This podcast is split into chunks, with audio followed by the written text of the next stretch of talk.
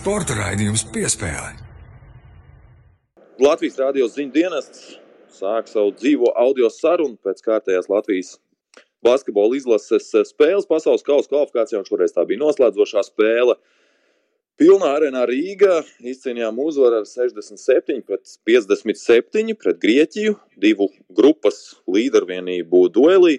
Un tā bija devītā uzvara mums desmit spēlēs. Esam labākā komanda Eiropas kvalifikācijā vispār. Un, protams, arī turpinājām mūsu uzvaru sēriju, kas ir uh, vēsturiska, jau 11. uzvara pēc kārtas vīru izlasē. Edgars uh, mums ir pieslēdzies. Edgars, sākšu arī ar tevi. Nu, kā no komentā, TV komentētāju vietām izskatījās tas, ko šovakar tu redzēji laukumā? Uh, sveiciens visiem! Mēs ar kolēģi Artūru tieši apspriedāmies, ka šī varbūt nebija saka, baudāmākā spēle no tieši no komentēšanas viedokļa. Es domāju, arī nu, tādiem basketbola um, entuziastiem, nu, kas grib par spēles skaistumu, ja mēs runājam. Ja, nu, skaidrs, ka uh, pietrūk mums daudz talantīgāko spēlētāju, tas pats arī par Grieķijas valsts vienību.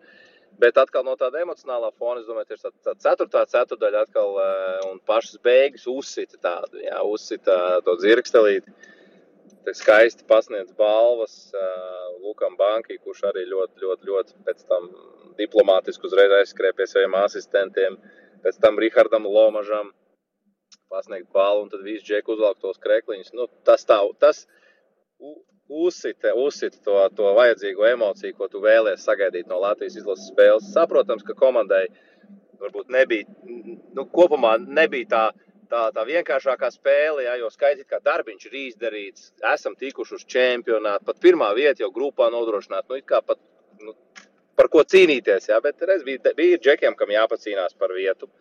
Zem saules, jā, kur, manuprāt, ļoti labi sev šodien izmantoja. Nu, tādi kā, piemēram, Toms Lēmans, kurš parādīja, nu, ok, mums nav četru vadošo aizsargu, nav problēma. Mums ir Toms Lēmans, 11,8 piespēles. Arthurs Strautiņš labi sev parādīja. Tā kā, tā rezumējot, šo spēli, kā saka, neierakstīsim un nesūtīsim uz basketbola slavas zāli, bet emociju noķērām un es domāju, visa tādu skatītāju tādu gandarījumu dodos mājās. Jā, uz uzvarošu nos pabeidzām šo kvalifikācijas turnīru. Nu, visi tagad varam sākt pilnībā koncentrēties fināla turnīram.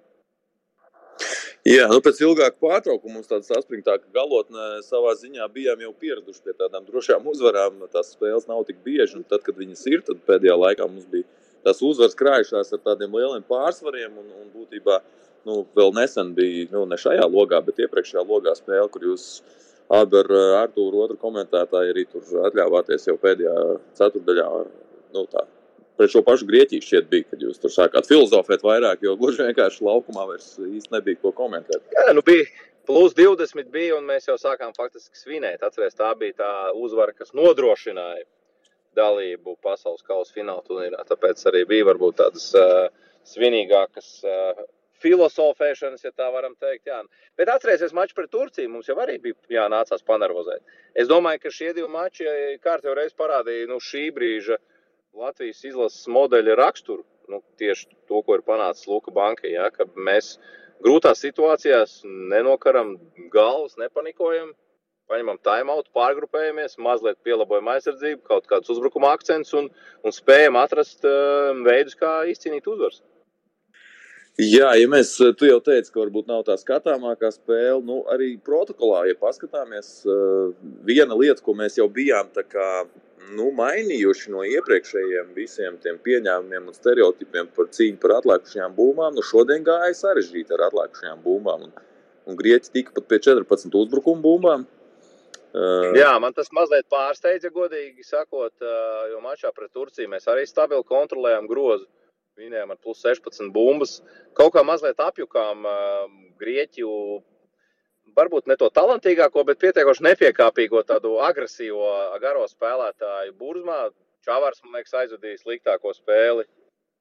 Čiktāku sliktāko spēli. Var man dzirdēt vēl, Andrej, viss labi? Jā, dzirdam, dzirdam. Man liekas, ka Čavars aizvadīja sliktāko spēli šajā kvalifikācijas turnīrā. Nu, nelamāsim viņu, ne, neko viņš visu sev izdarījis iepriekšējos mačos. Tā kā būs stabils kandidāts braukšanai uz, uz pasaules kausu. Bet nu, tomēr Anžējam nu, ļoti nestabila spēle. Tur žilbinošas epizodes, danki un 2 plus 1 ar pazaudētām bumbām. Viņš tāds ļoti, ļoti uzvilcies šodien bija. Ne? Tā izskatījās, ka ļoti uzvilcies. Es domāju, jā, nu, tā, tāpēc, ka tos fārus sodus nedabūja aizmet garām, nu, tas sit pa nerviem. Grāžulis it kā ielika divus dāngus, bet arī neteiksim, ka šī bija tā labākā spēle viņam. Es, es pat, pat, ja godīgi nav īsti izskaidrojumi, Grieķi agresīvi sēdza, kā jau grieķiem pienākās. Nu, diezgan aktīvi mainījās, gāja virsū pa diviem, pēc tam vairāk spēlētāju ielenkumā bija un tā uz ro, soda robežas spēlēja. Un, jā, un šodien varbūt pārāk bieži mēs eh, mazliet apjukām tādās situācijās. Nu, jā. Eh, mums jau bija pieslēdzies viens no, no eh, klausītājiem. Noteikti aicinu arī izmantot šo iespēju. Jebkur citur, kurš grib izteikties, iedošu tādu iespēju. Ja varbūt ir kāds jautājums, arī to var uzdot. Bet tikmēr turpinām par spēli. Edgars, nu, izskatījās, ka tā pirmā ceturtdaļa patiesībā nu, mēs to ar tādu baigo jaudu izgājām uz spēli. Un vēl pirmā ceturtdaļas beigās, kad Ate pirmo reizi ienāca mačā, viņš iedeva vēl tādu dzirksteli, un tad tur beigās šķiet, nu, kaut kādas pāris epizodes bija tādas, ka Ate tur eh, izsita bumbas pie pretinieku groza, saglabāja uzbrukuma iespēju, Štemerks izcīnīja uzbrukuma bumbas. Respektīvi, tajā brīdī izskatījās, ka ka grieķi bez mazā ir apmulsuši, cik ļoti jaudīgi mēs ejam jau pie plus desmit, bet kaut kur tas viss pazuda otrajā ceturdaļā. Mēs izgājām ļoti labi noskaņojušies aizsardzībā. Luka Banka bija sapratis tā, un viņš jau arī, kā saka, ne pirmo dienu basketbolā, viņš ieskatās spēles protokolā, kāda spēlētāja šodien viņam ir pieejama. Tā man pietrūks četru labāko spēles veidotāju aizsargu pozīcijās. Man nav Kristofs, nav Dāvis, nav Tīma. Uh, ja nu vīri, kas taisīja iepriekšējās spēles. Un, un, nu, tā, tad šodien vinēsim uz aizsardzību. Es domāju, viņš iedeva tādu uzsvaru. Varējām redzēt, nu, pirmajā ceturtajā ielaidām astoņus punktus, nu, tur baigi citāmies. Un, un arī par cīņu vispār nav nekāda pārmetuma. Bet, nu, zini, kā Andrej, man liekas, ka nu, tāpēc jau basketbolā mazliet arī tas talants ir vajadzīgs. Ja mēs divas reizes panācām plus 9, plus 11, bet tieši es domāju, caur uzbrukumu kā kolēģis studijā šodien teica, jā, es aizsardzībā es negribētu teikt, ka mums kādā brīdī liels pretenzijas būtu pret spēlētājiem. Jā, ik pa brīdim varbūt kādu pazaudējām, bet nu, tāpat grieķis atstājām. Jā, uz cik viņi iemet beigās, Andrej, palīdz atcerēties. 57 uh, punktus. Nu, tā tad viss tur bija kārtībā. Es domāju, ka problēmas mums šajā mačā radās caur uzbrukumu, kur mūs vairākās situācijās te neiemetām metienu no groza apakšas, te kaut kādas kļūdas, jā, nevajadzīgas. Nu, vienkārši nu, basketbolā Tieši tāpēc labākais Mikls ir komandas spēlē vislabāk. Ja, kad ir tāds talants un cīņas par apkopojums, cīņas par tad, tad, tad spēlē vislabāk. Ja, uzbrukumā, uzbrukumā taisa talanti un, un pārējie kāpā aizsardzībā, un tad viss notiek. Nu, mums šodien no objektīva pietrūka, pietrūka mazliet um, spēles veidotāju, arī finišētāju, nu, un, un tāpēc visu cieņu atradām tāpat veids, kā uzvarēt. Tā kā, tā kā es tā to teiktu, caur šiem neiemestiem dažiem lejapiem, uh, pazaudētām bumbām, dabūjām uzreiz trīnīti savā grozā. Nu, es neatceros, ka Čavars pēdējo reizi aizmets būt garām. Tur 4-5 metienus no labām pozīcijām. Jā. Tā kā es domāju, ka tik slikti viņš ar vairs nenospēlēs. Arī Gražuls te iedankoti aizmet garām no labas pozīcijas. Anžiem tas pats. Ja mēs tur visus tos būtu realizējuši, tad būtu nonākuši ātrāk līdz plus 11. Bet viss cieņa arī grieķiem. Skaidrs, ka tur arī spēlētāji cīnās par savu vietu zem saules. Tur, es domāju, no šī sastāvā nevienam spēlētājam Grieķijas izlasē droši vien nav garantēta vieta fināla turnīrā. Viņi tur visi gribēja sev pierādīt, un tāpēc sitās līdz galam.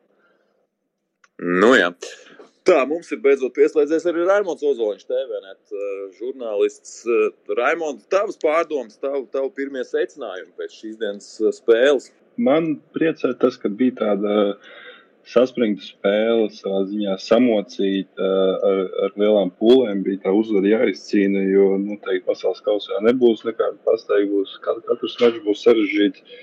Un noteikti no šīs spēles arī var kaut kāds secinājums Luku Banka izdarīt par atsevišķiem spēlētājiem, kā ir spēlēt tādā samocītā spēlē, kad ir sīksta aizsardzība. Un man pašam domājot jau par tā kā Andrejs jau lika padomāt, ka ar savu to iedomāto 12, kas ir braukt uz pasaules kausu, nu šajā spēlē man teiksim, jautājumi ir vēl vairāk nekā atbildes. bija pirms šīs spēles, domājot par, teiksim, par atsevišķām pozīcijām, kurš spēlētājs varētu būt iederīgāks sastāvā, kurš mazāk iederīgs. Man šķiet, ka tā sastāva izvēle šodien, šajā brīdī, manā skatījumā, kļuvusi vēl grūtāk. Bet, jā, man, kā es teicu, sākumā liekas, ka šī spēle bija tiešām laba tādā ziņā, ka laba mācību stunda, nevis, ka tur jau otrajā, ceturtajā puslaikā, trešā sardēļa sākumā būtu bijis plus 20 un, un, un ne, nebūtu tāds intriģējošāks beigas, kur, kur, tomēr, kur, kur bija jābūt piesardzīgiem, kur nedrīkstēja pieļaut kļūdas. Tomēr šeit bija tās kļūdas daudz un arī kaut kādi sasteigtie metieni. Jā, labi, labi, labi viela pārdomā noteikti būs treneriem pēc šī mača.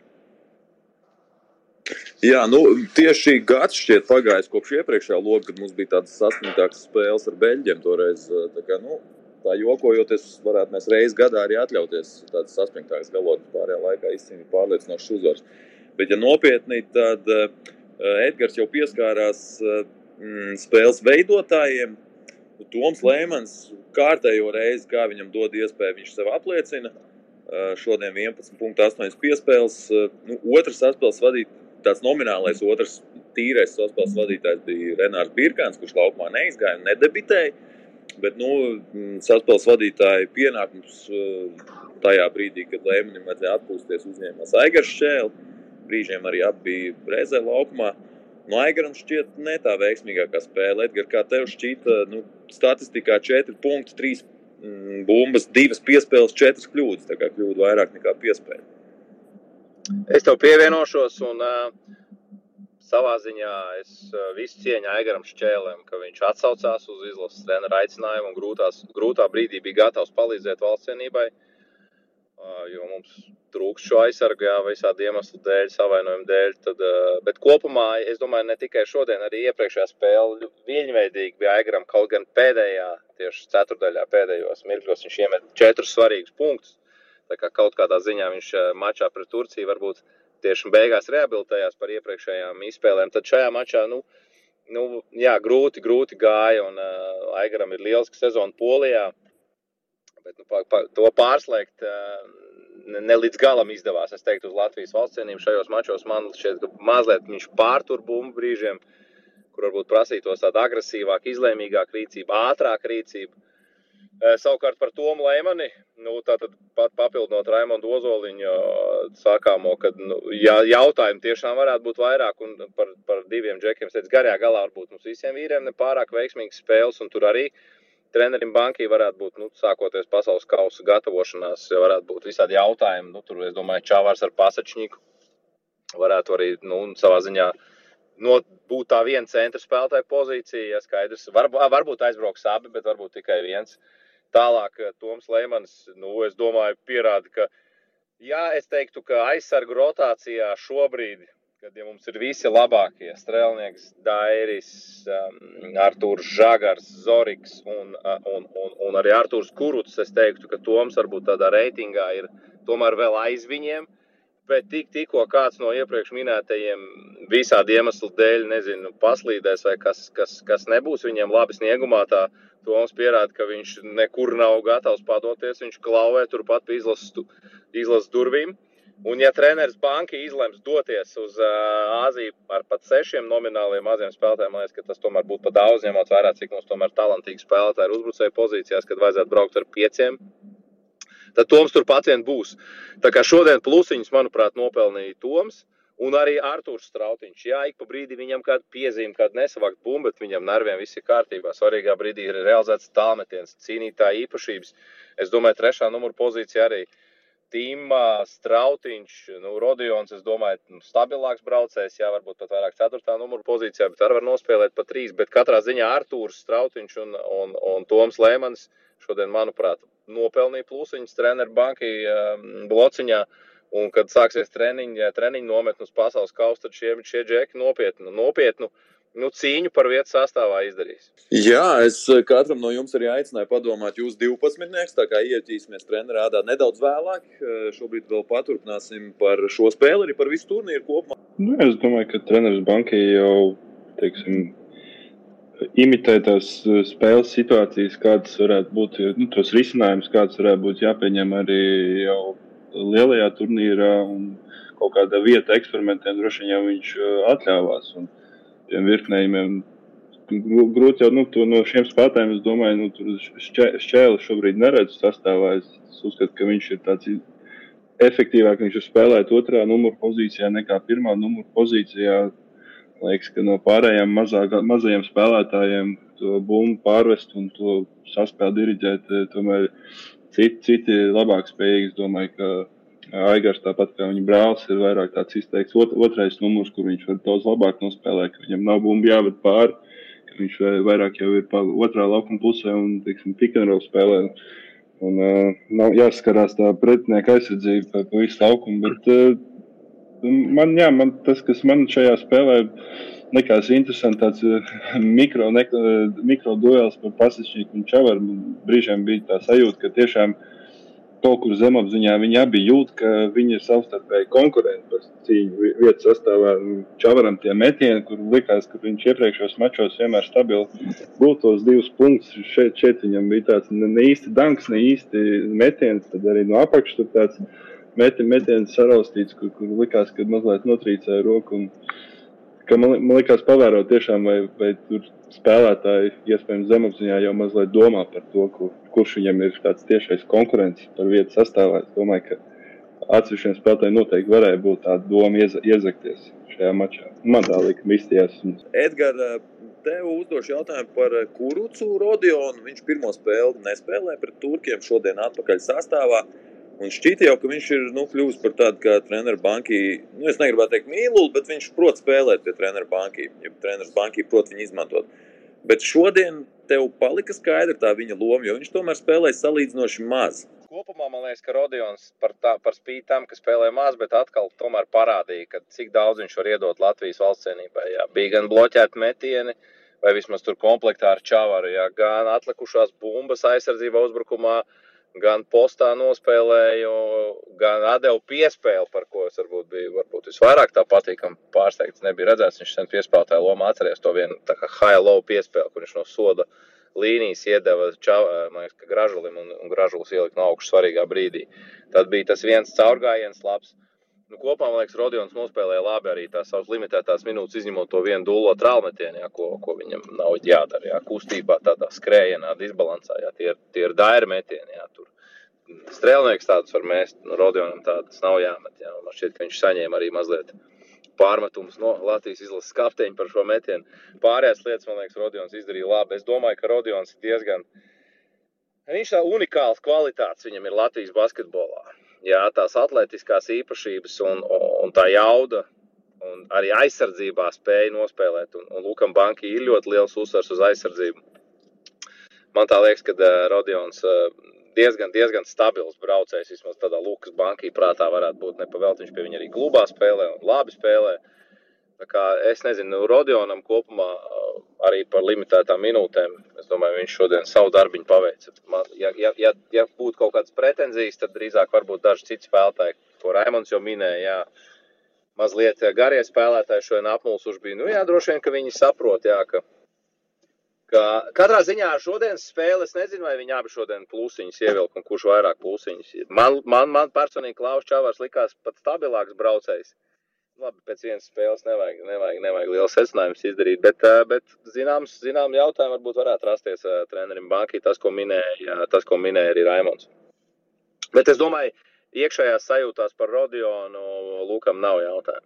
Tā, nu, vēlreiz mums Reinas Lācis ir mēģinājis pieslēgties. Izskatās, ka ir to izdarījis. Reini, vai tu mūs tagad dzirdi? Labs vakars visiem! Cīnās ar tehnoloģijām. Aleluja! Pagaidām zaudēju. Čau, Reini! Čau, čau. Divi, viens.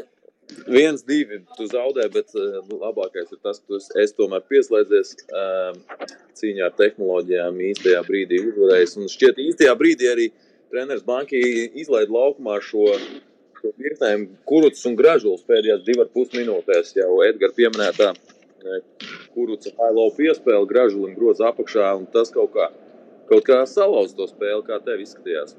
Jā, tāds diezgan smagnējs spēles ritējums ceturtajā ceturdaļā. Kaut kādā mērogā var atgādināt arī otro ceturdaļu. Radions arī, manuprāt, bija līdz tam brīdim nospēlējis tikai 9 minūtes. Es varbūt pat uh, šodien vairāk nekā jebkurā citā cikla spēlē, nu, gan jau daļai tas bija saistīts ar to, ka tas mačs bija tāds smagnējs. Bez mazliet izjūtu treneru štāba vietā to, ka nav varbūt tāds, tāds konkrēts, tāds konkrēts hierarhijas dažās pozīcijās, kas uzreiz it kā vienlaikus ļauj vairāk piecinieks izmantot no otras puses. Tad, ja kāds no tiem pieciniekam līdz galam nenostrādā, tad tā izstāsta pēc tādas daļais taustīšanās. Bet, uh, jā, tas bija tāds malks, svaigs gaisa, ņemot vērā, ka tie rezultāti negājas priekšu. Rodions arī sev parādīja, tomēr vairākos brīžos šajā spēlē pret, es domāju, ne tik labiem grieķu spēlētājiem attiecībā uz tādu finišēšanu pie groza, ka viņš ar savu atletismu var tur ielidot, noslaucīt. Ko jau mēs tā īsti nevarējām, laikam, tādā mazā nogriezienī zaudēt ar nu, tādiem nomināli diviem, it kā small ball garajiem, kur abi ir ap diviem metriem. Foršs gājiens, foršs mazliet. Uh, varbūt atgādināja kaut ko, kas tika izdarīts pret Beļģiju galotnē mājās. Un vēl šeit tad uz ball ir pārējais, lai gan pārsvarā tomēr bankieri uzticējies tam, ka vienam garajam konkrētam centram jābūt laukumā. Un vienmēr jau tie centri ir bijuši ļoti labi līmeņi. Tā kā nav pat bijis īsti pamats iet uz tādu smolpolu. Mēs jau iepriekš runājām, Edgars pieminēja to nu, Grieķijas izlases mm, spēku un spēku sastāvu, kas šajā vakarā spēlēja arēnā Rīgā. Varbūt nu, tu ikdienā komentē arī Eirolīgu, varbūt tu vari, vari iedot mums kontekstu par to, kāda Grieķija bija atbrauks. Cik, teiksim, ja mēs zinām, plus mīnus, kuri ir tie galvenie kandidāti no Latvijas izlases, kas varētu tiešām aizbraukt uz pasaules kausa no šī vakar sastāvu, tad, tad kā ir ar Grieķijas izlasi?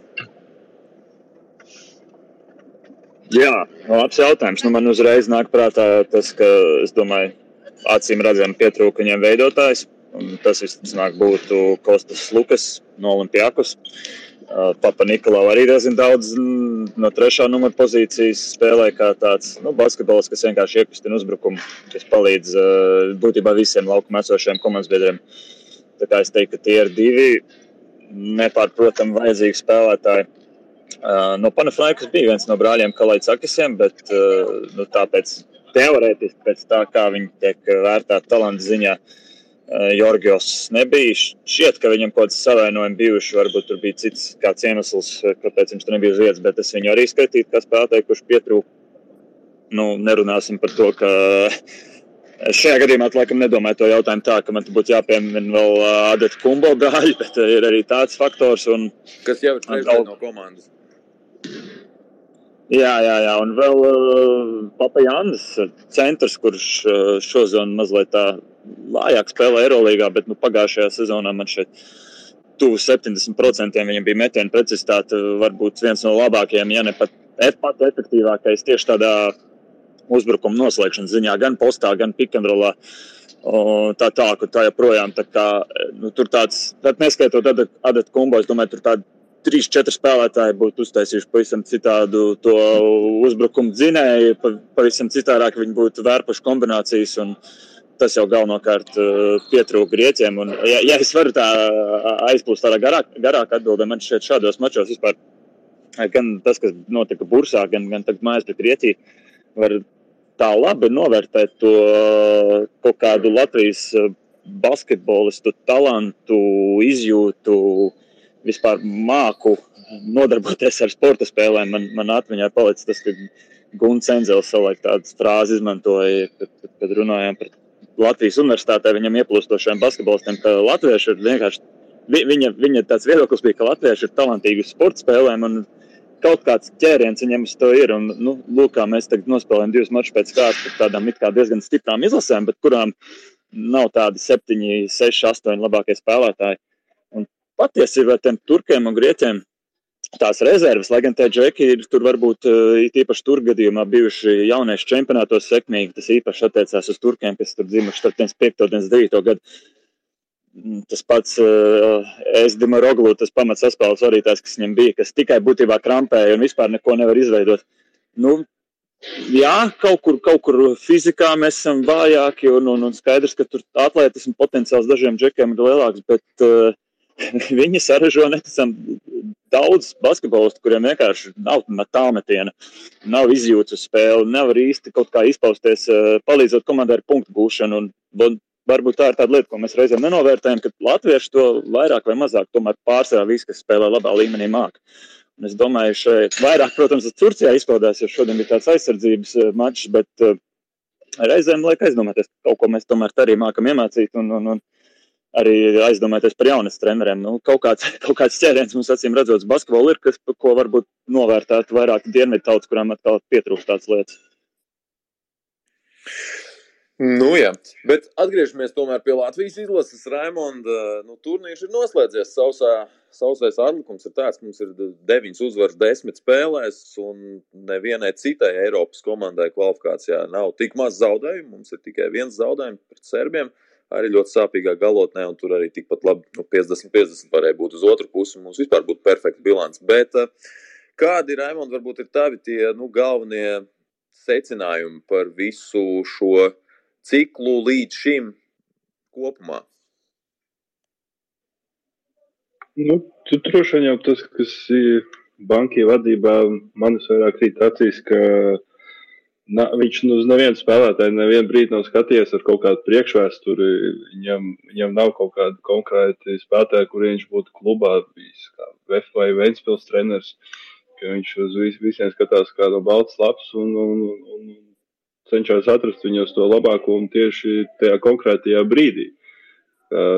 Nespēlēja konkrēts uzvārds, kurš ir konkrētā klubā savu statusu dēļ, un tāpēc viņš ir izlasē, un tāpēc viņam ir jāspēlē. Spēlē spēlētāji, kuri spēj konkrētajā brīdī dot rezultātu. Un, šķiet, jau Mārtiņš Gulbs televīzijas studijā to pieminēja, nu, kad neatceros, viņš to pa Leimanu vai pa Čavar teica, bet šeit pa Leimanu tieši, jā, ka, nu, pirms kaut kāda laika, nu, mēs nebūtu iedomājušies, ka šie spēlētāji visu šī cikla garumā būtu devuši lielu ieguldījumu, lai vispār komandu kvalificētos. Nu, mēs gadiem bijām pieraduši pie Mārtiņa Meijera, kā redzam šajā turnīrā pilnīgi cits centrs, ka Čavars ir devis uh, lielu pienesumu. Tad tas ir tāds, tāds lielais kop, kopums, kas ie, iezīmējās visā šajā ciklā. Nu, arī tas spēlētājs skaits, jā, cik tur savāk jau tas rēķins 29, 28 bija, vai gan arī 30 spēlētāji tika izmantot. Un tas arī, ka tiek dots iespējas un, un tiek meklēt risinājumu konkrētā brīdī, ņemot vērā, kurš tiek, kurš netiek, kāda, kāda ir tie iemesli. Un, un, jā, un man, tas, kas man uh, pat, patīk, simpatizē, ka, ko es tā neatvinos citu, pie citiem treneriem iepriekšējos modeļos, iepriekšējos ciklos, un ka šī saspēle, ka ar ceturto numuru bieži vien tās piespēles iziet uz, uz, uz, uz, uz, uz piekto, uz centru. Tas īsās, īsās piespēles šau, šaurā tajā telpā, šaurā kvadratūrā. Uh, ļoti, ļoti nu, tā skatām, tā kombinācijā tās saspēle veidojās, ka tiek iesaistīti tiešām daudz tie spēlētāji, ka nav stāvēšana, skatīšanās, kurš tagad uzņemsies, kurš, kur, kur, kurš mēģinās nokārtot to spēli. Skaidrs, ka atsevišķos brīžos, kad ir Romašs pieejams vai, kāds, vai Kristaps ir sastāvā, tas skaidrs, ka var spēlēt uz kaut kādu konkrētu līderu, bet tomēr tiek atrasti veidi, kā gūt tos punktus arī saspēlēties, nevis uh, gaidot kaut kādas darbības no, no līderiem. Jo nu, mēs atceramies, kāda bija Podgoricā, ja nelaimīgā uzvara, kā teikt, uh, strēlnieks vilka to komandu, citi neatvērās. Un, un līdz galam tā līderi neataisnoja tā, viņai liktās cerības, jo nu, klubā viņi to brīdi arī nespēlēja. Šobrīd tomēr daudz teiks, ka uh, vērtēts tas, kā, kā iet klubā, un tas arī pārnesās pēc tam uz izlasi.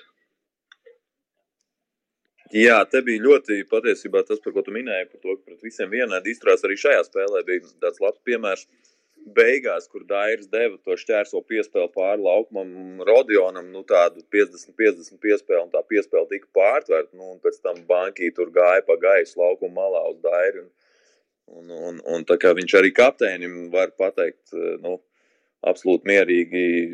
Tieši tāpat kā pateikt kaut kādam, varbūt, mazāk status spēlētājiem. Edgars, tev varbūt, nu, tu esi komentējis mūsu spēles, redzējis visas spēles, kas, kas ir tas, ko tu vari paņemt no šīs kvalifikācijas, no šī atlases cikla uz pasaules kausa. kāda Latvijas izlase ir šodien salīdzinot nu, ar to, ko mēs esam redzējuši iepriekšējos gados. Es tieši laikam arī visvairāk gribētu pievienoties um, tam Raimonda atzinumam, ka Luka Banki atnāca ar kaut kādu citu kultūru, citu skatījumu.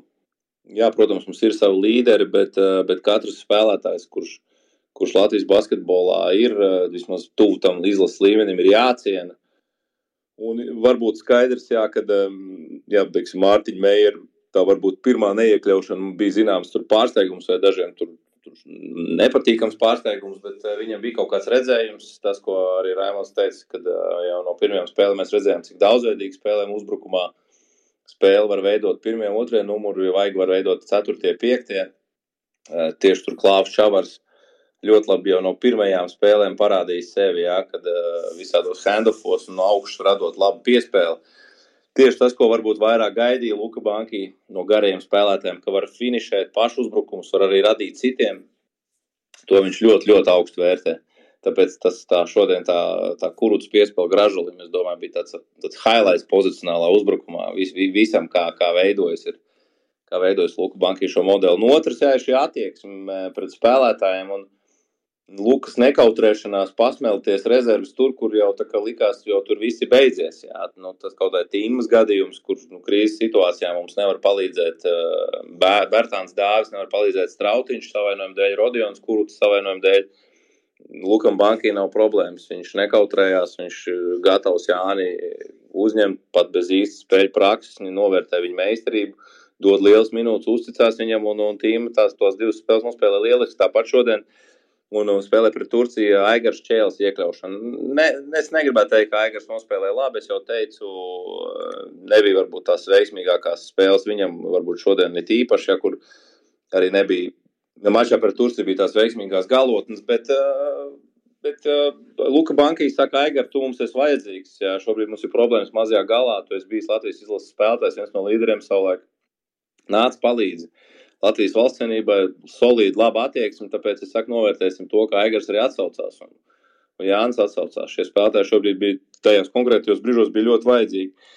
Tā, kā, e, tā kultūra, ko Luka Banka it kā daudzi treneri, ka vienmēr stājās amatā, tad vienmēr tādu sākumā nāks ar lielu enerģiju un visus spēlētājus novērtēs, bet uh, nevienmēr tas izdodas darbos. Un, un Raimonda pieminētā spēle Melnkalnē, nu atcerēsimies, ja tur minūtes pārspēlēts līderiem, visi metieni uzticēt viņiem, lai gan arī spēle ne, neiet no rokas. Tur jau ir varbūt tā treneru māksla, jā, nevis tikai pēc uzvārdiem, pēc reitinga sarindot spēlētājus un attiecīgi iedot minūtes. Nē, tur skatīties situācijas, mismečus, kā spēle iet. Ja vajag kādu līderi mazliet atsēdināt, ja, ja vajag iedot minūtes vairāk kādam lomas spēlētājam. Nu, tā, tas laikam viņam izdevās, jā, un droši vien, kad nāca pa labu viņam tas, ka viņš laikam nebija varbūt strādājis Latvijā un nebija viņam izveidojies nekāds priekšstats, tas šajā brīdī bija arī vajadzīgs. Varbūt mums tur jau bija visiem, arī mums tur apskatniekiem un, un, un žurnālistiem izveidojies tur kaut kāds tur uh, viedoklis par kādu spēlētāju. Tas gribot, negribot iezogās vietējiem treneriem. Nu, ja, ja tas vietējais treneris ir strādājis ilgāk vienā vai otrā klubā, un kurā tie citi spēlētāji ilgāk vai vairāk bijuši pie, pie, pieejami, citi mazāk, nu, veidojās kaut kādi tuvāki spēlētāji, netik tuvi. Un šeit atnāca Luka, Luka Banka no balts lapas. Mēs kā visi sakām, mēs bijām zemākajā punktā. Luka, tajā brīdī, kad viņi uzrunā, tā iziet cauri Latvijas iespējamiem spēlētājiem, pagaidi, paga, kāds zemākais punkts. Jums ir divi NBA spēlētāji, tur eh, tajā laikā vairāk Eirolandes spēlētāji, normāli džekap, tiem var kaut ko darīt. Un viņš, es domāju, tā arī iesaistījās valsts cienībā ar tādu pozitīvu, svaigu skatu punktu, tiešām tāda jauna slota atnāca un, un tiešām labi viss ir izslaucījis, uzslaucījis tās mūsu asaras, kas bija 2021. gada pavasarī. Un te nu mēs esam. Jā. Asaru vietā mums ir bēdu, asaru vietā ir prieka asaras, ja mēs tūlīt brauksim uz pasaules kausu. Reinī, te, manuprāt, tāda interesanta nianses par to, ka nu, Raimons un Edgars jau stāstīja, mums ir uh, parādījušies spēlētāji, kuri ir parādījuši kaut kādas kvalitātes, uh, kā Čavars, kā Leimans, uh, kur ir lielā mērā bijuši nu, vieni no tiem galvenajiem spēkiem, lai mēs spēlētu tik labi. Bet tagad, pieņemot to, ka sastāvā būs stipra mainība, un pat ja kāds no šiem vai visi šie spēlētāji būs, būs arī sastāvā, kas brauks uz pasaules kausa, tās galvenās lomas tomēr visticamāk būs citiem basketbolistiem, kur savulaik, kuriem savukārt ir citas kvalitātes. Vai tas izmaina, kā tas izmaina to, to nu, banki basketbolu, vai viņš uh, ir apliecinājis to, ka viņš teiksim, pielāgojas tiem spēlētājiem, kas ir viņa rīcībā, nevis varbūt uzspiež kaut kādu savu, mm, savu stilu, un no tur mm, cita garā spēlētāja gaida to pašu, ko, ko gaida no Klāvčava, piemēram. Mm, jā, man šķiet, ka viņš to ir pierādījis, jo skaidrs, ka tur mēs varētu vēl precīzāk atgriezties tajā pagātnē un papētīt, bet, nu, Man vismaz ātri saka, ka tās augusta spēles par Turciju sākās ar diezgan konkrētiem vairākiem uzbrukumiem, kuru mērķis bija nu, tas izklausīsies mazliet primitīvi. Skaidrs, ka banka darba, banka kombinācijas parasti ir no tādām vairākām pakāpēm sastāv. Bet, nu, būtībā sākotnēji tur bija mērķis atstāt Kristapam Porziņu vienu pašu, vienā pusē saliņā pret nabaga Sertaču Šanlī. Man šeit viņš līdz šodienai nav atguvies. Lielbritānijā varbūt tas vairāk bija tādā piespiedu kārtā, ņemot vērā, cik viņi fiziski spēlē. Bet uh, arī tur padaudz sanāca Kristupam spēlēt uh, savā postiņā viens pret viens. Uh, es domāju, arī tas, kā Dārzs ir bijis iesaistīts izlases rindās, nu, pirmkārt, uh, ļoti, ļoti liela zaļā gaisma. Es nesaku, ka citiem spēlētājiem pie bankiem nebūtu zaļā gaisma, bet tomēr ļoti liela zaļā gaisma viņam mest metienus no jebkādām situācijām, eh, liels akcents uz to, cik viņš daudz kustās eh, sadarbībās bez bumbas. Viņam tur tāds eh, ļoti radošs un, un uz brāļa instinktiem balstīts bija mm, dots. Angliski to sauc par flopiju sadarbībām, kur viņi abi no gala līnijas skrien ārā caur blociņiem, kas ir uz 45.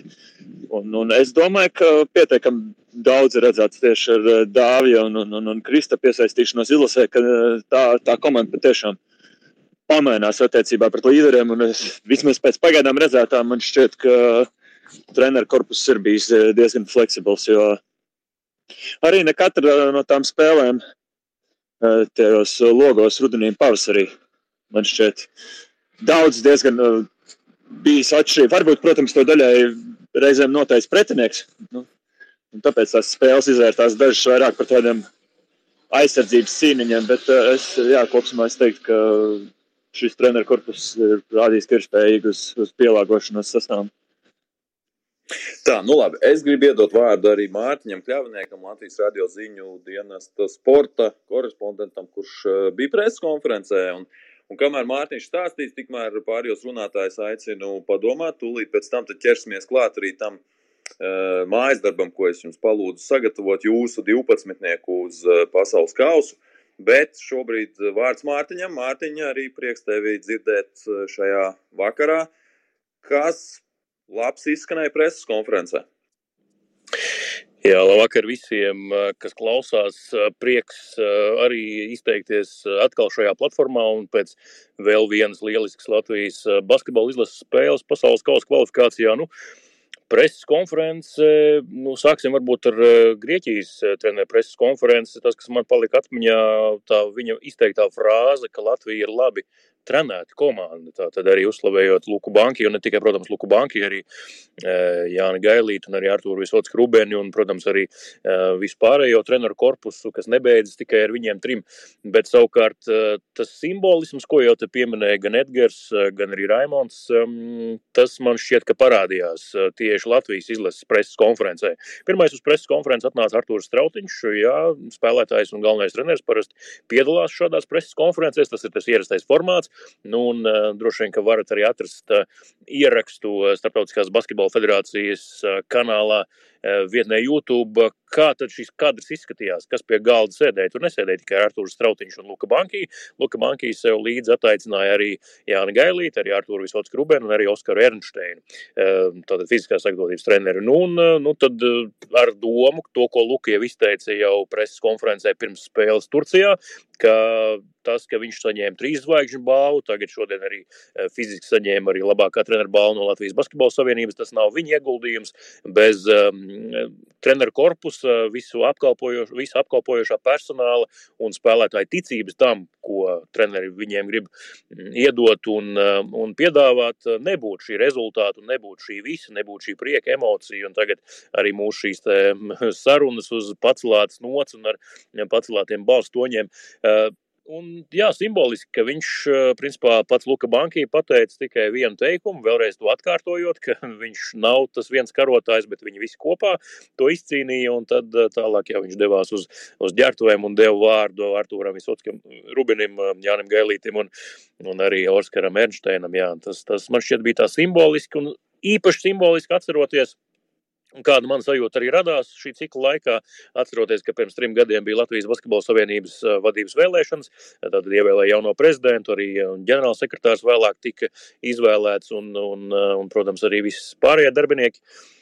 Un, sāka jau visi šie cilvēki, kurš šobrīd strādā Basketbola Savienības vadībā, nu, principā trijās dažādās frontēs. Un tagad viņi ir apvienojušies vienā, un to ir Kristaps Janičēnoks teicis, to ir arī tas pats ģenerālsekretārs Kaspars Ciprus teicis, ka, nu, beidzot bija sajūta, apziņa, vēlme un arī reāli darbi nu, likt malā kaut kādus, nezinu, kašķēšanos, ziedojuma prasīšanas vai, vai, vai tam līdzīgi. Tas jau simboliski, protams, vai, vai kaut kādu, nezinu, pārlieku ārišķību, ka mēs varam, mēs esam, bet vienkārši apvienoties un sākt darīt. Un tas notika Savienības iekšienē, tas tālāk izpaudās arī redz izlases iekšienē, un tas arī parādījās šajā preses konferencē pie galda, ka tā ir vienota komanda arī treneru korpusā, nevis tikai viens galvenais treneris, par kuru, par kuru izpausmēm jūs jau stāstījāt arī savos komentāros iepriekš. Jā, nu, tā kā man tāda, tāda, tāda sajūta palika pēc šīs preses konferences un vispār pēc šī cikla kopumā,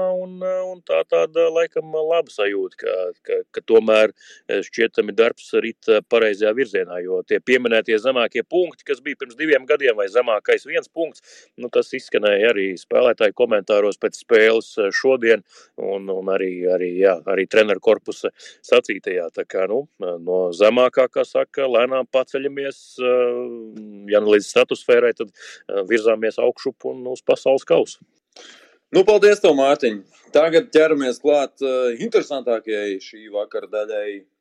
Iejutīsimies galvenā trenera ādā, jo mēs nereiz vien esam runājuši par to, cik sarežģīti būs trenerim bankai izvēlēties sastāvu pasaules kausa izcīņai. Un tāpēc arī aicināšu katru no šī vakara sarunas dalībniekiem iesties treneru ādā un nosaukt savu 12. pasaules kausam.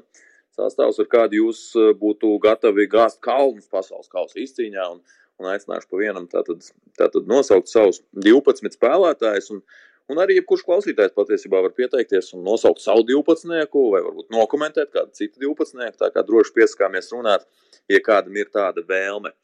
Bet, Edgars, es sākšu ar tevi, ar tavu 12 spēlētāju eh, komandu, ko tu vedīsi uz pasaules kausa izcīņu kaut kur Āzijā. Šobrīd vēl nezinām, kur tieši. Nu, jā, tu vakar palūdzi padomāt par 12 vīriem, kas būtu manā skatījumā, ar kuriem būtu jādodas iekarot Āziju. Es tā uzmetu savu 12, un nu, man ir tādi vairāki, nu, no-braineri, jā, vai kā saka, simtprocentīgie džeki. Bet, nu, es sākšu tad varbūt iešu tā. Tad garajā galā trīs vīri man ir skaidri. Es domāju, ka visiem pārējiem arī Kristaps Dāvis un, un, un Rolands Šmits, protams, kurš aizved lielisku sezonu Žalgarī. Uh, Tad man ir, nu, man šķiet, ka jābrauc būtu vismaz pieciem mazajiem, pirmajiem, otrajiem numuriem spēles veidotājiem. Un tur nu, skaidrs, ka Dairis, komandas kapteinis, strēlnieks, mūsu labākais saspēles vadītājs vēl joprojām. Tad pieci tas būtu jau. Nu, man liekas, ka aizbraukt vajadzētu abiem diviem. Gan Zorikam, gan Žagaram. Jo, nu, ja gadījumā izkrīt kāds no saspēles vadītājiem, turnīrs ir garš, tad mēs paliksim ar vienu viens saspēles vadītāji tikai, manuprāt, tad vajadzētu būt trīs tā tādiem nomināliem, varētu teikt, pointgārdiem, kuri var daudz arī spēlēt kopā. Mierīgi, es domāju, ka var spēlēt vairāk spēlētāju. Atcerēsimies, nevienu reizi vien Latvijas izlases savulaik ir vēsturiski spēlējis ar vairākiem saspēles vadītājiem ielaicīgi. Bet, nu, šodien, piemēram, privātā sarunā ar, ar, ar Rihardu Lomačs. Lomačs teica, ka diez vai aizbrauks abi divi saspēles vadītāji. Viņa prāt, jā, drīzāk varētu braukt viens no viņiem, varētu braukt Artūrs Kuruts. Tātad Artūrs Kuruts varētu braukt, kurš ir, nu, man liekas, ka viņš var nospēlēt arī pirmā numura pozīcijā, viņš var nospēlēt otrā numura pozīcijā, viņš var ļoti agresīvi sekt. Un uh, jau mačs pret Serbiju parādīja, ka viņš arī var iemest, kad vajag konkrētā brīdī. Man liekas, ka viņš patīk trenerim bankī. To tad visiem pieciem maziem, manuprāt, vajadzētu braukt. Dairis, Jānis Strēlnieks, Lomačs, nevis Lomačs, bet uh, Kuruts, Artūrs, Zoriks un Žagars. Tad pieliekam klāt trīs garos, simtprocentīgos astoņu spēlētāju man ir. Tad izvēle būs starp, man liekas, ka arī Rodionam Kurucam būtu jābrauc. Viņam ir unikāls kvalitātes Latvijas basketbolā, aizsardzībā, uzbrukumā, un tās atletiskās īpašības ir tas, kas vajadzīgs Latvijai. Un arī šķiet, ka trenerim bankī viņš, viņš saprot, kā spēlēt ar Rodionu. Un Rodions labi jūtās pie treneru bankī. Tas būtu deviņi. Nu, tad tagad vairākas izvēles garajā galā, uzbrucēju pozīcijās. Man šķiet, ka Strautiņš vai Tīma būtu jābrauc, bet, ja, ja, ja man būtu jāizvēlās, tad es laikam uzsētos Artūram. Šķiet, viņš paredzamāks, var vairāk saprast, ko no viņa var sagaidīt. Man nav līdz galam vēl skaidrs Jāņa Tīmas karjeras virziens vai vektors, kā mēdz teikt, bieži vien futbolā. Nu, un garajā galā man bija blociņā ierakstīts Čavars, bet varbūt šodien jautājums Čavars vai Pasačniks. Un tad ceturtā numura pozīcijā man ir Gražulis vai Meijeris. Nu, droši vien jau ka Gražulis stabilāks spēlētājs, kāpātājs, eh, aizsardzībā spēlē. Kaut gan Marks arī var ļoti labi nospēlēt aizsardzībā. Un tad summarizējot, tas 12. varētu būt sekojošs. Kristaps, Porziņš, Dāvis Bērtāns, Rolands Šmits, Artūrs Strautiņš, Rodions Kuruts, Dairs Bērtāns, Jānis Strelnieks, Kristers Zoriks, Artūrs Žagars, Artūrs Kuruts un, un, un tad, tad Andrejs Gražulis un, un, un tad nu, pēdējais starp Čavaru un Pasečniku. Ah, būtu man tur jāpalauz galva. E, ja, ja šodien, tad droši vien, ka Čāvārs vēl joprojām, bet nu, šodien spēle var zināms jautājums uzdot. Nu, kaut kā tā, tāds varētu būt mans 12. Ok, ļoti interesanti. Nu, skaidrs, ka jebkurā gadījumā beigās paliks strīps kāds, kurš, par kuru būs jautājumi, un arī savā 12. kā noteikti tā ir. Ejam tālāk. Reini, vai tu esi izdomājis tos vīrus, ar kuriem tu esi gatavs iet cīņā pret visu kontinentu izlasēm? Vai esmu izdomājis, laikam, līdz galam, nē. Man ir tāda, tādas kabata pilna ar lapiņām, kur, kur es sagatavoju vienu, tad vīlos sevi, tad kaut ko pārdomāju, tad saskatīju citu leņķi. Bet tas laikam tikai izsaka to, cik grūti varētu treneru korpusam būt. Un patiesībā mēs jau varam tikai šajā brīdī novēlēt, lai viņiem patiešām ir tik grūti, jo tā vēsture jau rāda, ka parasti, diemžēl, vai veselība, vai citi plāni vasarā, vai visādi NT notikumi reizēm jau palīdz atšķirt nu, to 12, kas, kas, kas, kas nekad nav tāds simtprocentīgi uz papīra labākais, bet vairāk situācijai pielāgoties. Bet labi, bez mūžēšanas. Es domāju, es varu neatkārtoties aizsardzības saistībā, proti, man ir tas pats piecinieks. Un uh, Edgars minēja tās kaut kādas potenciālās raizes par veselību, un es domāju, ka tādā ziņā patiešām Arturam Kuricam varbūt tāds.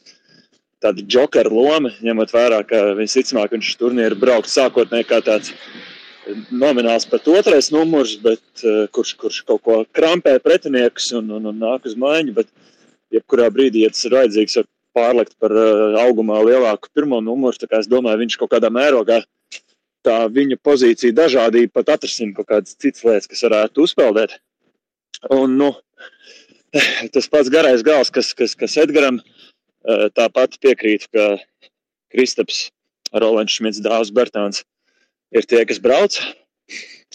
Man arī Rodions Kuruts krīt sastāvā iekšā, manuprāt, Uh, viņam vienkārši liela nozīme varētu būt pasaules kausā, ņemot vērā, ka viņš ir bankī kā tāds mīcāmais māls, kuru uh, arī šodien, starp citu, pret Kalais Akis, manuprāt, individuāli tādu bīstamāko vai prasmīgāko ārējā, ārējās līnijas spēlētāju viņš sēdza.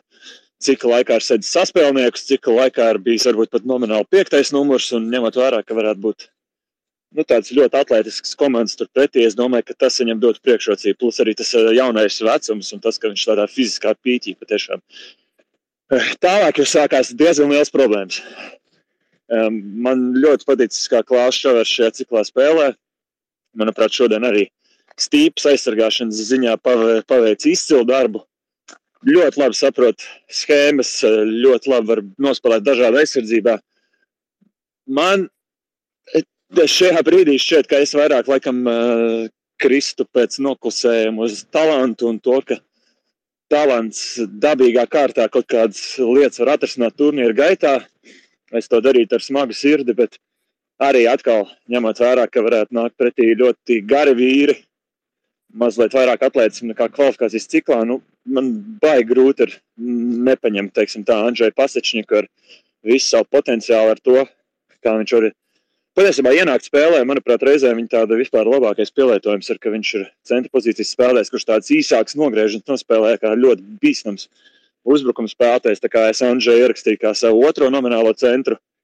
Uh, ceturtā pozīcijā man ļoti ilgas bija pārdomas starp Mariku Meijeru un Andreju Gražulu. Manuprāt, viņi kaut kādā mērogā dara līdzīgas lietas. Varbūt Marks ir mazliet labāks piespēlētājs. Andrejs varētu būt tāds, eh, teiksim tā, fiziskāks brīžiem, pārliecinātāks pēc tīpas, un viņam ir bijis izcils cikls. Ļoti smaga izvēle. Daļai varbūt balstoties uz to, kāds viņam ir šobrīd. Tāds fiziskums pīķis arī ļoti maz cilvēku vispār varēja tikt ar viņu galā cikla gaitā. Šajā spēlē mēs Andrejai arī smējāmies, sēžot aiz groza.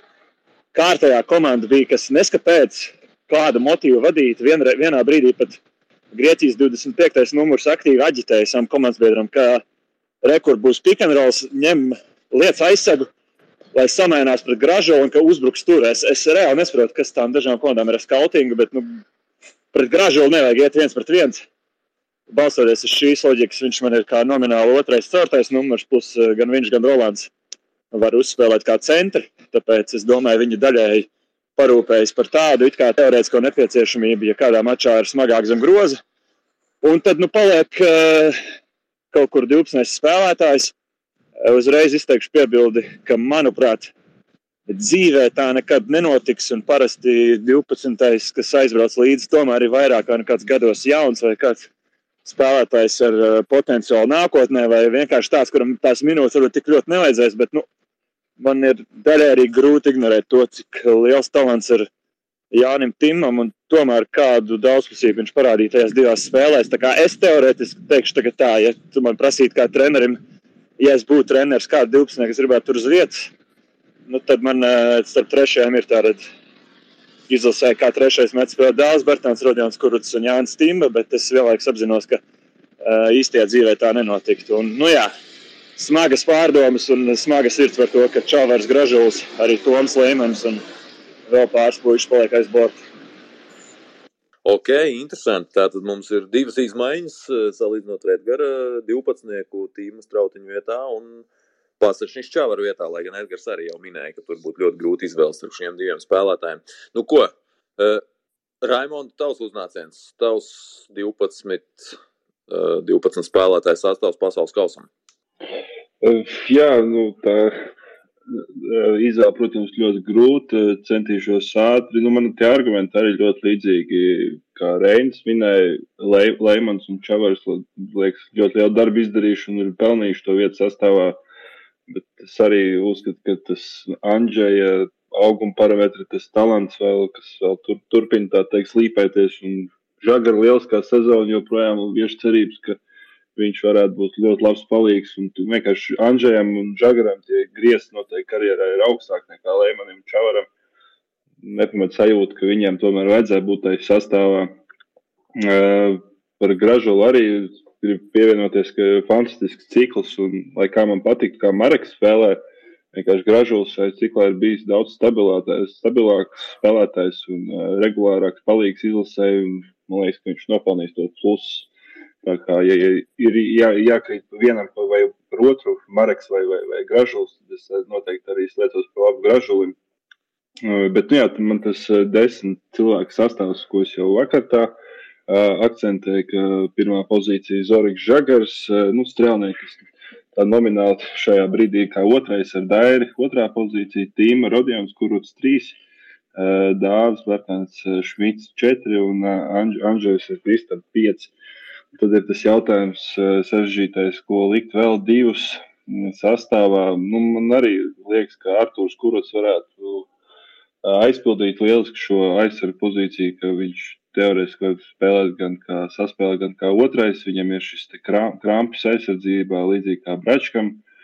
Ļoti labs pēc, pēc sev parādīja Serbijas spēlē, ka viņam ir gan metiens, ir caurgājis, viņš ir atletisks. Es domāju, tādā pasaules kausā tas, tas ir svarīgi faktori. Žēl, ka viņš izlasē mazāk redzēts. Sarežģīts gads Baskonijā, kas ir jā, jāiztur, un tad nākamā sezona ceru, ka viņš atvērsies kādā citā klubā un būs lielāks lomas spēlētājs ikdienā. Tā kā es ar to kurus droši vien gribētu likt kā 11. un kā 12. Nu, ļoti grūti izvēlēt vai nu strautiņš vai gražulis. Un, jo droši vien, ka čāvā kā 3 centus būs pa daudz. Nu, nu, lai iet gražulis, es domāju, ka gražulis uh, arī atsevišķās epizodēs var būt labs palīgs. Es, es, es jā, kā 11, 12 artos, kurus gražulis. Kuri tev bija viegli uzbrucēji? Radions Kuruts un, un tīma. Es, un es arī pievienojos tam, ka, nu, lai, lai arī viņš ir maz spēlējis, un, kā Edgars saka, vektors ir nesaprotams.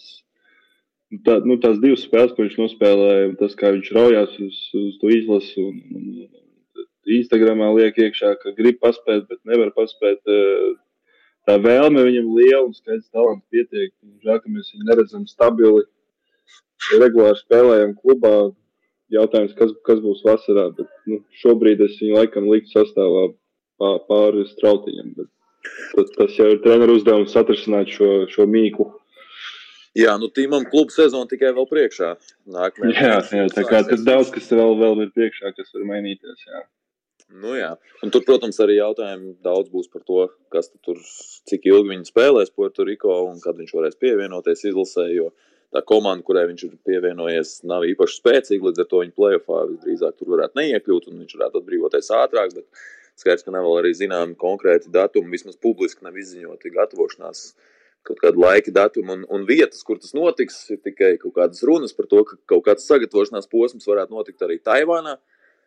Nu, kas savukārt nozīmē, ka komandai ir nu, droši vien kaut kādu laiku iepriekš jābrauc uz turieni. Tad arī jābrauc. Bet tu priecājies, ka straut, strautiņš ir rindā. Kā, nu, jā. vis, visam vajadzētu būt kārtībā. Jā, nu, Raimond, tev vismaz, ja mani pieraksti neviļ, tad tev ir precīzi tāds pats 12. kā Reinim.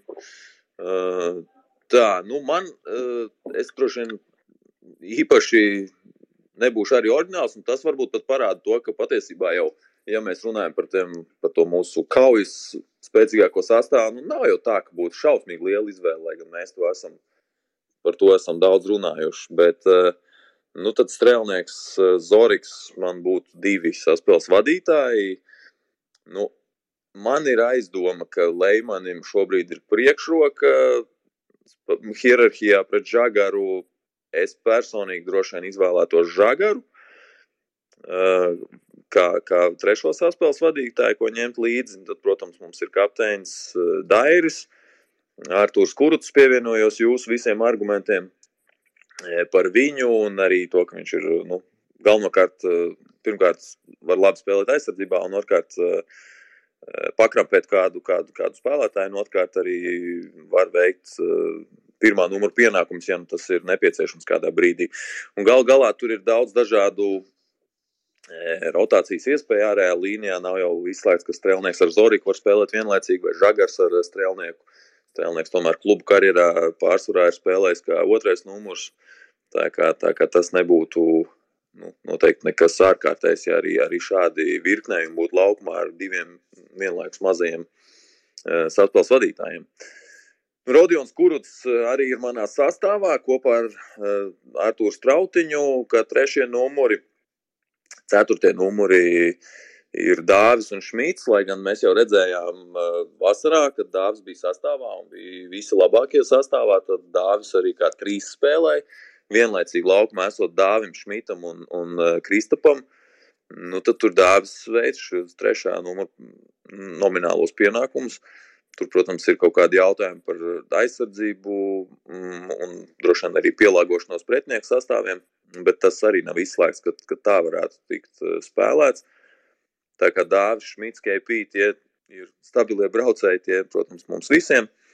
Nu, ja šodien būtu jāizvēlas sastāvs, tad kā otro centru es ņemtu Čavaru. Tas tomēr uh, iedod tādu daudzpusīgumu mūsu spēlē. Viņš tomēr ir mm, nu, nedaudz, nedaudz. Viņš ir stipri citādāks spēlētājs nekā Kristaps.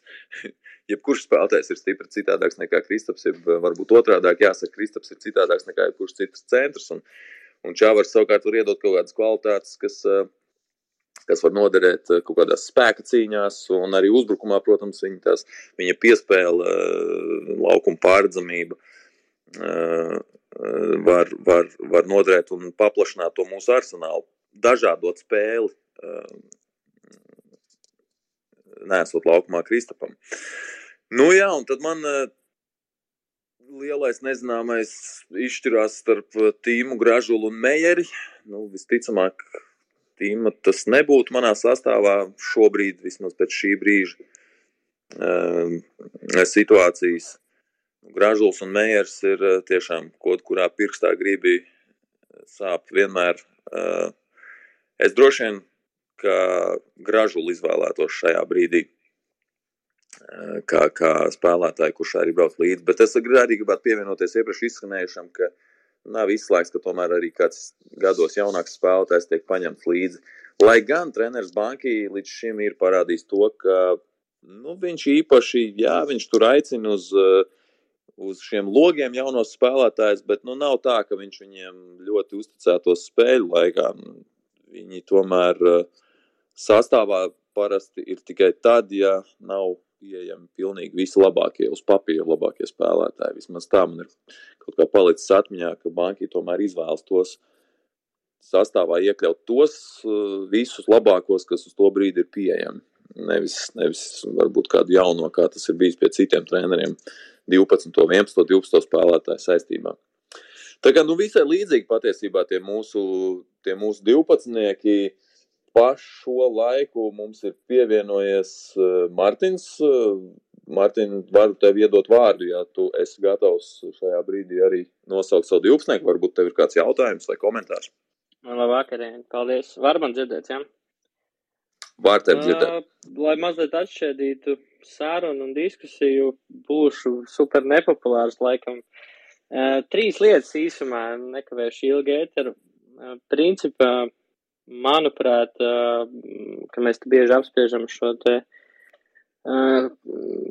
kāda no garā gala atstāšanās borta, un pirms vēl, pirms vēl diskusijas jau gribēju uzspēlēt veco labo spēli ar start bench un katru, ar sakarā ar strautiņu tīmu un, un kurucu rodionu, bet nepopulārais tādā ziņā, kad, ja mēs pīšķiņi atejam no tā, kad, lai nav tas scenārijs, kā Bēro basketā Jāni Blūm, tad tomēr Dairis, ok, visu cieņu kapteinis, visu cieņu var izšaut, var, var nospēlēt kaut kādas tur brīžos, kad ir, nezinu, piezīme norma un, un tā tālāk, kaut pieredzējuši lēmumu. Ja tomēr to mēs mazliet pagriežam, plus vēl zinot, ka Lomašs ir ārā un vajag spēles veidotājus mazajā galā, lai nebūtu jāatsakās no visiem mazajiem. Plus vēl ir šis aizsardzības aspekts par Rodionu, kurus tiešām piekrītu iepriekšējiem runātājiem. Un, lai tomēr ņemot vērā, ka turnīrs ir garš, varētu variet garajā galā un apzinoties, ka Čavars ir, gribētu teikt tā, izturīgākais no, no garā gala, arī ņemot vērā, ka Andžēs labi spēlē pēdējās spēles. Gribētu ņemt visus trīs garos, nu, ja mēs pieļaujam, ka Kristaps ir garais. Un, un savukārt, kāpēc gan kapteina loma šajā modelī nevarētu uzticēt Kristapam? Neredzu it kā nevienu argumentu, kāpēc viņš, nu, tāpat viņš būs ģērbtuves līderis, tāpat viņš būs droši vien noteicošā balss. Uh, ok, super nepopulārs, bet, nu, tīri, lai atšķēdītu, manuprāt, mazajā galā pa dairu vēl ir jautājums. Mm, manuprāt. Bet, bet garie var braukt visi trīs. Un, un, un arī tajā brīdī, kad dairis uh, varbūt ir uz jautājuma zīmes, paliek bišķiņa uh, vieglāk izlemt, kas mums ir viegli uzbrucēja pozīcijā. Tīri pārdomā. Paldies! Paldies! Lūk, tiešām droši vien nepopulārs viedoklis un skaļš viedoklis. Varbūt arī kādam no runātājiem ir, ir ko teikt. Dairis varētu arī tikt nepaņemts līdzi uz, uz pasaules kausa. Edgars? Nu, ja es pirmais sāku mm, sastāvu publicēt, tad nu, es domāju, ka tas, mm, tas ir izslēgts. Jā, jo Luka Banki ir parādījis vis, visādos veidos, ka Dairis ir, ir viņa pirmais pagarinājums ģērbtuvē. Es domāju, ka Mārtiņš jau arī atzīst, neskaidrs, ka tas ir nepolārs viedoklis. Varbūt kaut kādā tīri tur basketbola taktikas ziņā, varbūt, ka vēl kaut kur tur var to pamatot, bet, nu, Lūkam bankai vajadzēs tikpat vienotu ķērtuvu, kāda viņam ir līdz šim bijusi. Es domāju, ka uh, tur nu, tas ir, nav vispār apspriežams. Tur dājas brauks un viņš būs komandas kapteinis. Par to, ka trīs garie varētu braukt, tur gan es varētu mm, piekrist, jo turnīrs ir garš. Un, uh, kā Reins minēja, tur būs pavisam cita atletisma komandas, ir īpaši, ja mēs gribēsim kaut ko arī uzvarēt un playoffs izdarīt. Tad jautājums ir, uh, vai mēs kādu varbūt vieglo uzbrucēju vai vienkārši uzbrucēju varam atstāt mājās. Un Kristaps Porziņš savā karjerā ir spēlējis 4. numuru pozīcijā, ik pa brīdim vēl projām to dara Vašingtonā kopā ar Gaffordu. Un nemaz tik slikti viņiem tie cipari tur nav. Tā kā var par tādu domu padomāt. Un tad mājās paliek varbūt uh, strautiņš un, un gražulis brauc, bet nu, mums tomēr arī kā vajadzēs vēl kādu snaiperu trešā numuru pozīcijā. Varbūt tad gražuļu vietā ir tie, tie garie. Ja? Tā kā tur, tur es vēl piekritīšu, ka tādu, tādu, tādu varētu būt. Bet, nu, ir, ir grūti tās izvēles, jā, un, un, un, un, un tā, tie pēdējie, pēdējās, pēdējās izvēles starp spēlētājiem, kā jau Andrēs minēja, ko, kurā pirkstā grib, būs sāpīgi. Un, bet, nu, e, es pieļauju domu, ka treneri varētu pamēģināt, paskatīties, padomāt, kā tas ir, nu, ka mums ir tas saucamais saiz, jā, lielums. Būs, būs vajadzīgs liela, liela, liela komanda piemēram, par Grieķiju runājot, Andrejs jau prasīja Reinim, kas tur Grieķiem trūkst un, kas, un kādā sastāvā viņi varētu aizbraukt. Un es domāju, es atļaušos atvainojot par, par mazliet ironiski izteicienu no šiem kentauriem, ko mēs šodien redzējām. Nezinu, varbūt daži būs paskausā, jā, tur būs pavisam cita Grieķijas valstsienība, jā, un Brāļante te Kunpo. Visi ripinās pāri ar Jāni priekšgalā, jā, un uh, iedomājieties, jums jāspēlē pret tādu Grieķiju. Nu, mums vajadzēs to lielumu Jā, tad vajadzēs čāvaru rumpi likt pretī eh, pasačnieku blokus un, un Kristapa blokus un tā tālāk un tā projām. Tā kā tādu variantu es vēl uh, iedomājos, ka treneri varētu apsvērt. Bet uh, Dairis, Dairis brauks un, un, un, un tu, tu, tu, ja vien ar veselību viss būs kārtībā, tad uh, viņa loma, viņa loma ir gan laukumā, gan vēl vairāk ir ģērbtuvē šobrīd. Un, un, uh, tā, kā, tā, tā es varētu atbildēt uz, uz, uz Mārtiņu viedokli. Jā, starp citu, lietuvieši savulaik ar sešiem gariem sastāvā dabūjis Eiropas uh, sudrabu, bet nu, tas bija pirms desmit gadiem, 20, uh, 13. gada Eiropas čempionātā. Toreiz, protams, ka basketbols ir mainījies pa šo laiku. Un otrs punkts par Dairi. Nu, es tomēr man šķiet, ka viņš diezgan stabili pienes tos plus mīnus 8, 10 punktus spēlē, kas tomēr ir būtisks pienesums arī laukumā, ne tikai ģērbtuvē. Viņš arī šajā ciklā. Nu, Viņam šķiet, šķiet pret Serbiju bija viena neveiksmīgāka spēle, otra savukārt ļoti veiksmīga. Mm, pārējās visās spēlēs, plus mīnus, viņš ir, viņš ir eh, devis eh, lielu pienesumu arī, arī ciparos. Eh, Kādu komentāru no, no, no pārējiem Reinī, tu redzi, ka mēs varētu Dairi nepaņemt līdzi?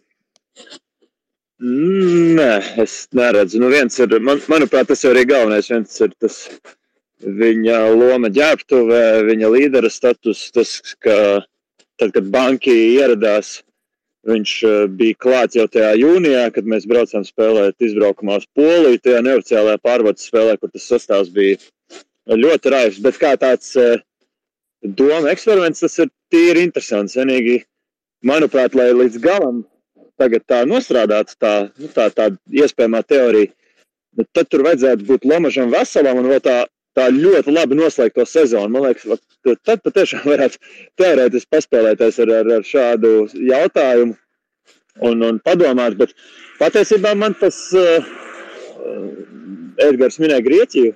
Es tagad tā no atmiņas saku.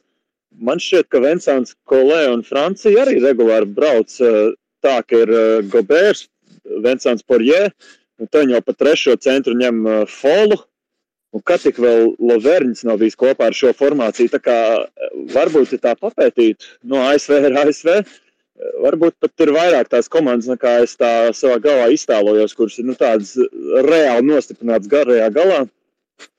Un, ja padomā par to, par to sastāvu formēšanu, varbūt tas arī pat uh, ņemot vērā to, ko tu, tu minēji saistībā ar Jāņa Tīmas sezonu, un ka, nu, iespējams, piemēram, ja viņš tur laikus nav ieradies eh, un, un, un tam līdzīgi. Tā, tāpēc jau tas 12. man teorēs bija tāds, kā, kā tu teici, ja mēs būtu trenderi un izrautos. Un, ja man vajadzētu šobrīd prognozēt, tad uh, es varu iztēloties scenāriju, ka patiešām aizbrauc, teiksim, Kristaps, Andrzejs un, un, un, un Čavers. Un ceturtajā numura pozīcijā mums tomēr ir tāds spēka vīri kā Rolands Šmits.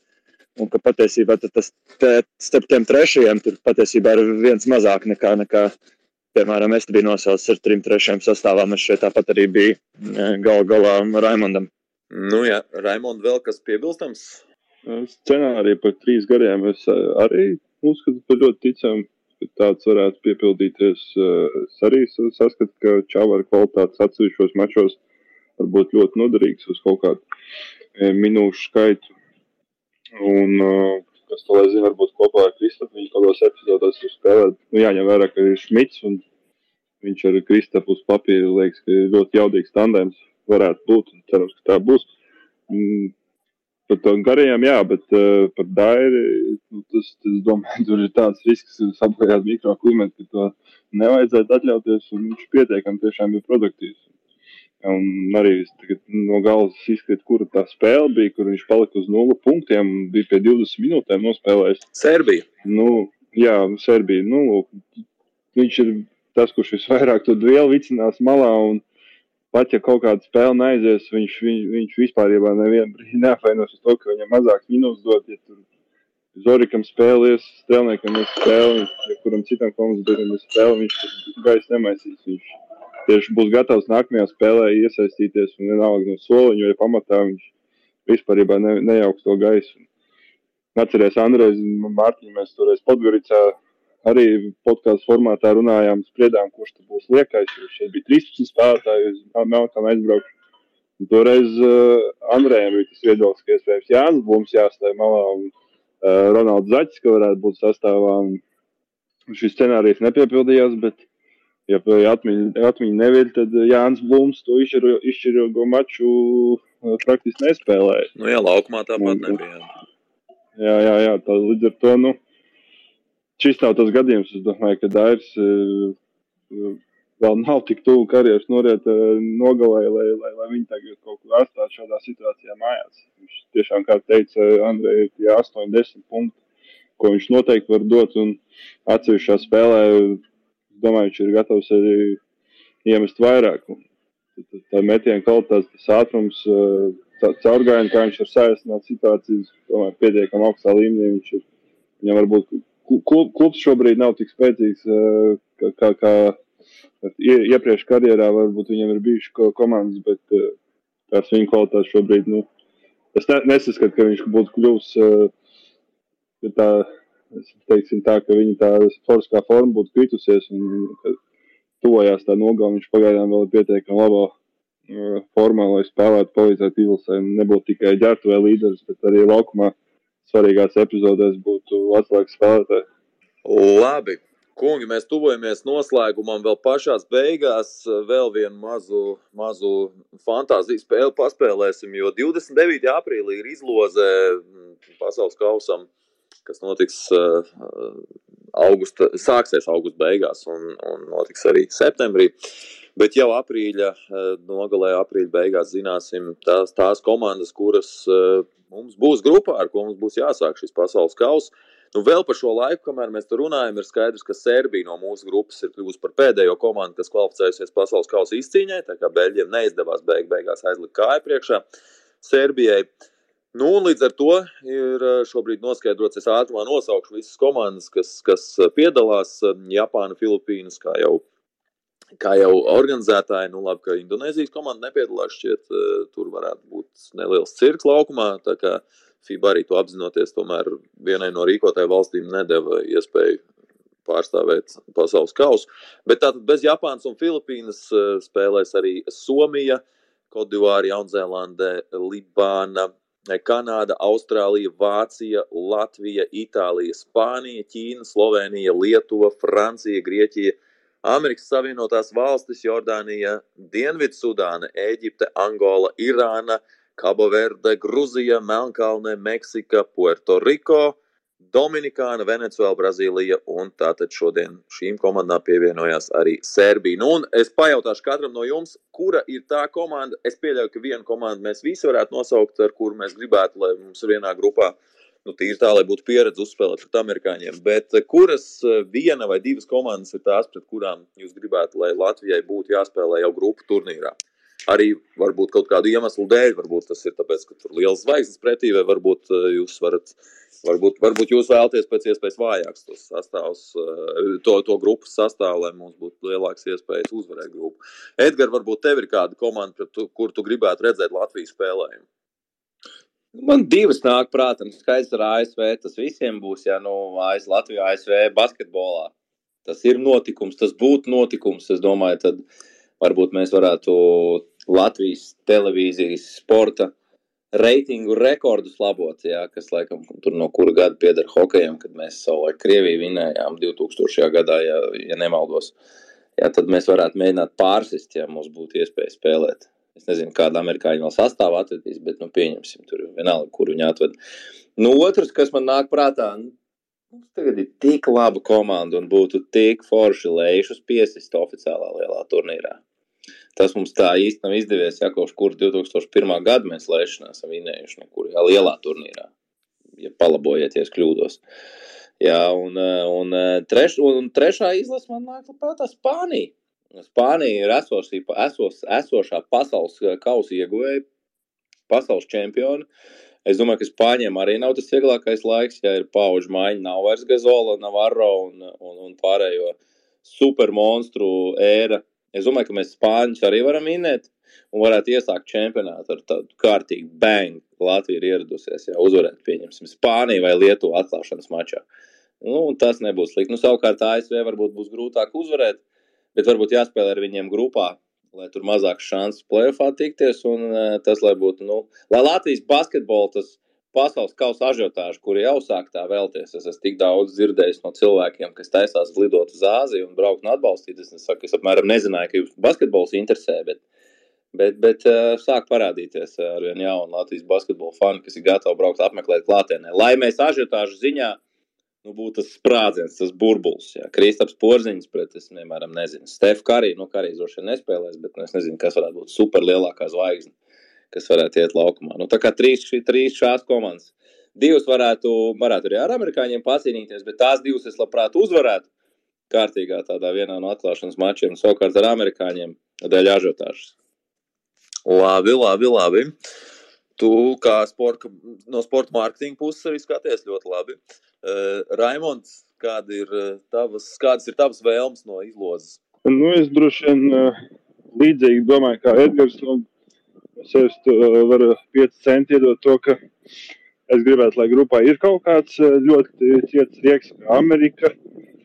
Uh, nu, Baltijas valsts derbijas, jā, Lietuva arī būtu interesanti. Es gribētu kāds spēcīgo komandu, lai uh, grupu turnīrā būtu tāds uh, kārtīgs pārbaudījums un arī neiziet no grupas, uh, bet, bet tā teikt, bez zaudējumiem, lai būs arī kāds kā, kā zaudējums. Noteikti par Franciju būtu interesanti. Ja jaunais talants, brīnum bērns sastāvā ir. Un, un es Serbijas laikam negribētu grupā. Nezinu, kaut kādas priekšniekas. Kā, uh, Jokic, protams, ja viņš ir sastāvā, uh, es domāju, ka uh,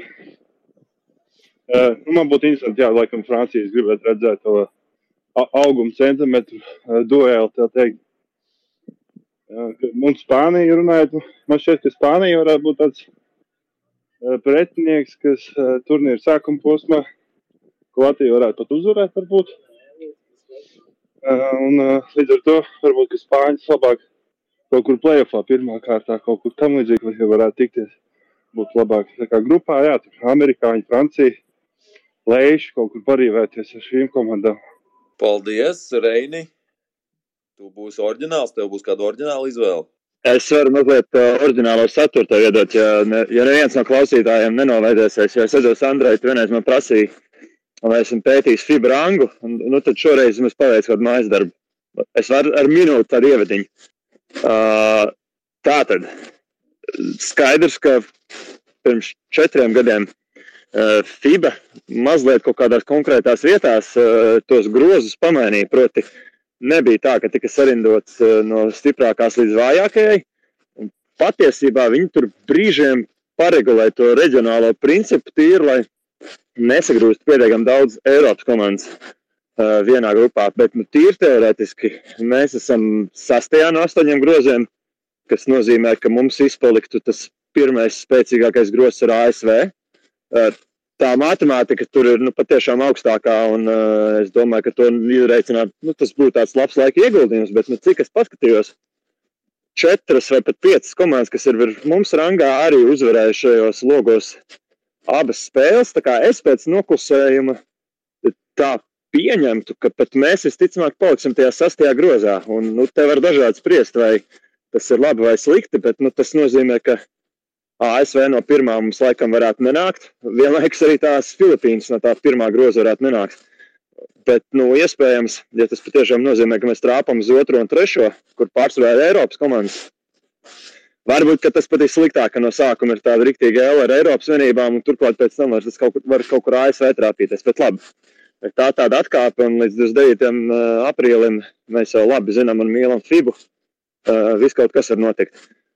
Ko es gribētu un ko es negribētu, daļai nebūšu orķināls. Noteikti, ka Lietuvu gribu. Edgars man šeit ir taisnība. Trešajā gadā dabījām Marciālsku tālmetienu no stūra ar atstienu, un kopš tā oficiālos mačos izņemot skaistas pārbaudas spēles, pārpildītas arēnas priekšā, mēs neesam spēlējuši, manuprāt. Varbūt kāds vēl mūsu dubultā papildinās.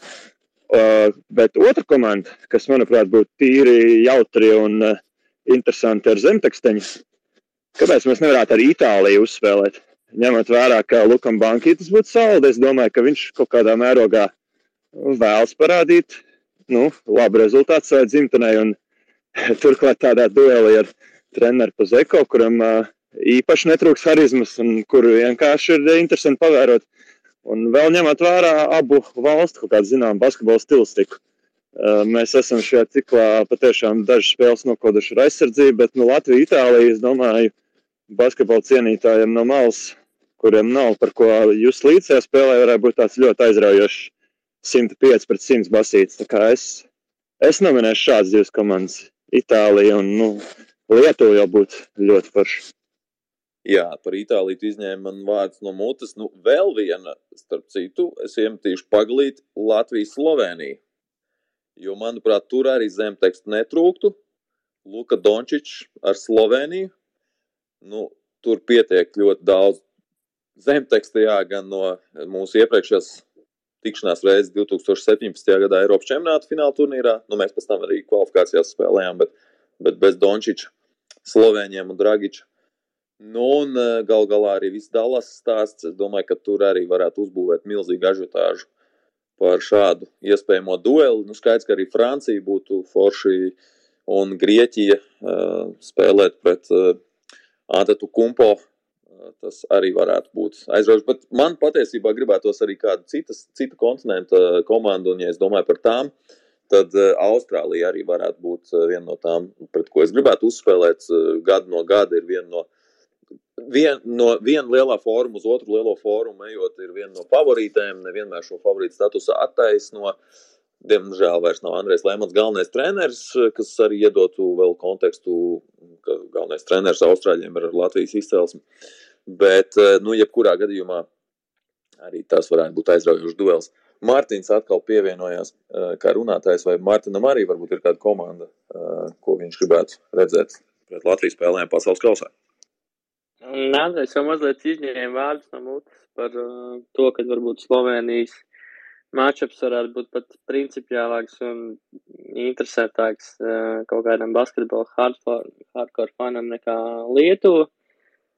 Bet īpaši, ja mēs tur atsevišķi paņemam jā, atpakaļ tīmu sastāvā, un es domāju, ka viņam ir jau mazliet apnicis skatīties tos atkārtojumā Dončičā pret, pret, pret vairogu metienu tālo trīspunktnieku gadu no gada FIBA izgaismu rullīšos, tas varētu būt tāds labs redemption stories. Bet, bet uh, es gan nepiekritīšu, laikam, tur Edgaram un vēl runātājiem par Ameriku. Tas mēs redzējām, sieviešu izlases tā kā dabūja to augsto dušu.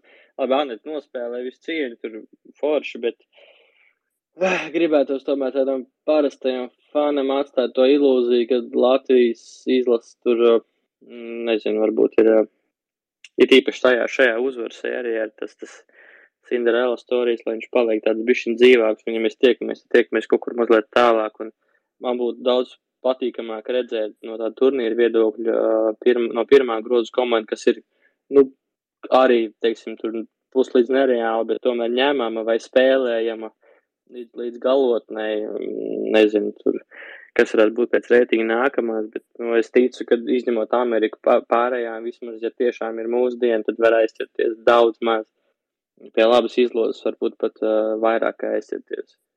Gribētos tomēr, ka mēs noteikti izņem no grupas. Nu, ņemam Kanādu. Arī netrūks noteikti zvaigžņu. Viņi jā, no Āfrikas, kāpēc ne, jā, un kāpēc no Āfrikas, nu, teiksim, to kape, kape vārdu, jā, kas tikko varas tik iekšā, arī tāds interesants mačups būtu, man liekas, Kristapam, tur daudz runā par tavares varēšanu, un kāpēc viņš nespēlē NBA jau pāris gadus, arī tāds, nu, mazais principiālais mačiņš, tā kā, nu, kaut ko tādu, lai, nogarantējam iziešanu no grupas. Es, es papildināšu, tad uh, šobrīd teorētiski pirmais uh, grozs sanāk Filipīnas, Spānija, ASV, Austrālija. Ja izteikti bez brīnumiem. Un, ja es neesmu kļūdījies rakstot uz vienu no savām simts mazajām pierakstu latiņām, es, dom es domāju, ka esmu kāds sociopāts, ja jūs redzētu man to kolekciju. Tu esi. uh, labi, nu, teikšu droši vien visiem lielu paldies, jo pusnakts jau tuvojās, esam norunājuši ilgu laiku. Un, eh, un, un paldies Edgaram Buļam, eh, sporta menedžerim, arī TV komentētājiem, Latvijas izlases spēļu komentētājiem. Paldies, Edgar, par dalību šī vakara spēlē, spēlē un arī šī vakara paldies, paldies. Paldies. Andrej, ka uzaicināji. Paldies. Es tik varbūt īsā replika Martinam. Es domāju, tas, ka mēs spēlējam ar ASV, nenozīmē, ka mēs netiksim ārā no grupas. Mēs tieši tiksim. Vienalga, vai mēs viņiem zaudēsim vai uzvarēsim, bet ažiotāžs būtu bijis šī next level. Varbūt nekādā no nākamajām kārtām, varbūt uh, kaut kur tuvāk, tuvāk medaļu spēlēm. Bet uh, paldies saka arī Raimondam Ozoļam, TVNet uh, sporta žurnālistam, protams, arī Reinim Lācim, basketbolu apskatniekam, arī komentētājam. Paldies, Mārtiņ, ka iesaistījies ar saviem uh, gan jautājumiem, gan saviem komentāriem un eh, arī Mārtiņam Kļavniekam par, eh, par eh, reportēšanu no preses konferences. Paldies, saka arī jums, ikvienam, kurš klausījās. Latvijas radio ziņu dienas ir bijis kopā ar jums visiem manā personā kopš pērnās vasaras, pēc katras Latvijas izlases spēles šajā kvalifikācijas cikla otrajā grupu turnīrā. Nu, sekosim līdz tam, kā attīstīsies notikumi, gan sastāvu komplektācija, gan, protams, arī E, izlozi uz pasaules kausa, kas jau 29. aprīlī norisināsies Filipīnās. Sekosim līdz tam visam un, e, un, e, un tiekamies jau basketbolā. Atā!